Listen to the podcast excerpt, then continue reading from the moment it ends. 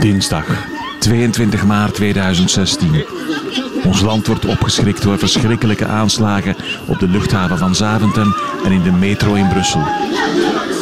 Weet jij nog hoe je het nieuws vernam vijf jaar geleden? Kirsten, er is iets gebeurd. Heb je het al gehoord van op de luchthaven? In de podcast De Dag van de Bommen van Radio 2 vertellen drie journalisten hoe zij die dag beleefden. Dat is, dat is in een waas. Dan ben ik heel erg beginnen huilen. In de podcast De Verandering vertellen drie getuigen hoe de aanslagen hun leven voorgoed veranderden. En dat is altijd zorgen van zo snel mogelijk de vertrek al uit te zijn.